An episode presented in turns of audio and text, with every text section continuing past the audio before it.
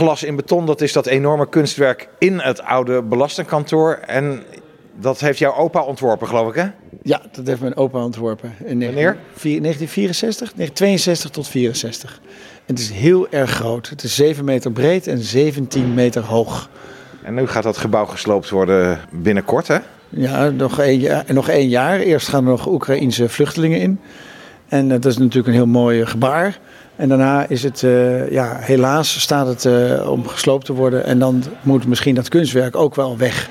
Er is gekeken, kan die naar een andere plek, maar dat ging miljoenen kosten?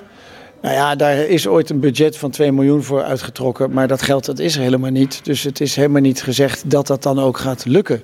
Het is zo'n bijzonder groot kunstwerk. Want het is van glas en beton. Het is heel erg zwaar. Het is dus niet glas en lood, wat veel lichter is van materiaal en veel fragieler. Het is veel steviger. Echt heel dik ook, hè? Het is heel dik. Ja. Het is uh, zeker 30 centimeter dik het beton. En het glas is zelf 3 centimeter dik.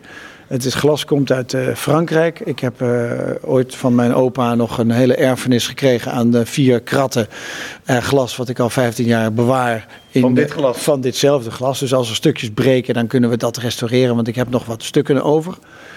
Ik heb het ooit in Frankrijk in een oud kerkje teruggezien, waar hetzelfde glas, want verder zie je het eigenlijk nergens. En het komt heel weinig voor. Het is heel bijzonder glas. En nu hebben jullie vandaag een boekje gepresenteerd aan de bouwwethouder. Ja, maar een alternatief plan. Kijk, dat zoek, die zoektocht naar een alternatieve plek hier in Leiden, dat heeft eigenlijk niet geresulteerd tot een, oplossing. En we zijn allemaal heel erg bang dat, dat als we het dan uit elkaar halen, dat het dan wordt opgeslagen in een depot en dat het in ons leven daar nooit meer uitkomt. Dus dan is het helemaal vergeten. En wat het jammere is daarvan, is dat het zo groot is dat het in kleine stukjes in het depot belandt. En daardoor weet niemand meer, ja, ik kan wel tekeningen achterlaten, maar is het echt zoals het, hè? we willen het in, intact houden. Dan is het kunst werk echt. En daarom hebben we nu bedacht om het op zijn plek te laten staan.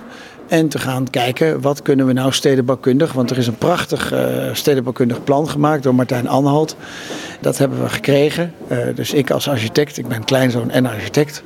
Samen met Fons Verheijen, die zit hier naast me, mijn uh, hulp. Hebben we samen naar een plan gekeken, gemaakt, ontworpen. Een stedenbouwkundig plan om het in te passen tussen de nieuwe bouwblokken. Maar niet door een nieuw gebouw eromheen te bouwen. Nee, want er was natuurlijk ook vanuit de alle stichtingen en uh, verenigingen, zoals de Bond Heemschut, maar ook de uh, Historische Vereniging van Oud-Leiden. Iedereen wil heel graag dat het, net als wat het nu heeft, een publieksfunctie heeft. We willen dan heel graag dat het in een nieuwe bibliotheek komt, maar daar is nu geen geld en geen project voor. Dus hebben we gekeken hoe kunnen we het nou laten staan op zijn plek, maar dat er wel het zonlicht doorheen schijnt en dat de zichtlijnen vanaf het centraal station dat die blijven bestaan, die zichtlijnen. Toen hebben we bedacht, nou dan moeten we het dus in de publieke ruimte neerzetten. En dan kijken of dat daarin past met die stedenbouwkundige blokken. En eigenlijk niet zetten, maar laten staan. Ja, dat zeg je eigenlijk goed. We laten het gewoon op zijn plek staan. Dus je sloopt het gebouw eromheen weg? We slopen het gebouw weg. We geven het een, een tijdelijke draagconstructie om het even rechtop te laten staan. Maar dat gebeurt in Leiden natuurlijk ook met historische gevels. Even inpakken. Even inpakken. Hè? Een plasticje eromheen, krimpfolie. Nee, maar goed, dat kan heel makkelijk. Het is echt niet zo heel erg moeilijk. We kunnen het oude fundament gebruiken. En de nieuwbouw, die moet voorzichtig daaromheen zijn nieuwbouw neerzetten. Dat het, maar daar zijn allemaal hele moderne technieken voor. Mm -hmm. En dan kan je het echt heel goed behouden op zijn plek. En dan staat daar dan los tussen de nieuwbouw? Dat staat niet los. Het, de nieuwbouw die houdt het dan vast. Want uh, het staat daar eerst met een tijdelijke constructie. En die tijdelijke constructie die neem je op in de gevel van de nieuwbouw. Zodat die nieuwbouw het aan beide kanten vast kan houden. En dan maken we aan de onderkant bijvoorbeeld een overstek. Zodat de stedenbouwkundige routes, de assen in het nieuwe bestemmingsplan, dat die niet worden geblokkeerd. Dat mensen daar nog in langzame verkeerroute kunnen fietsen, kunnen wandelen.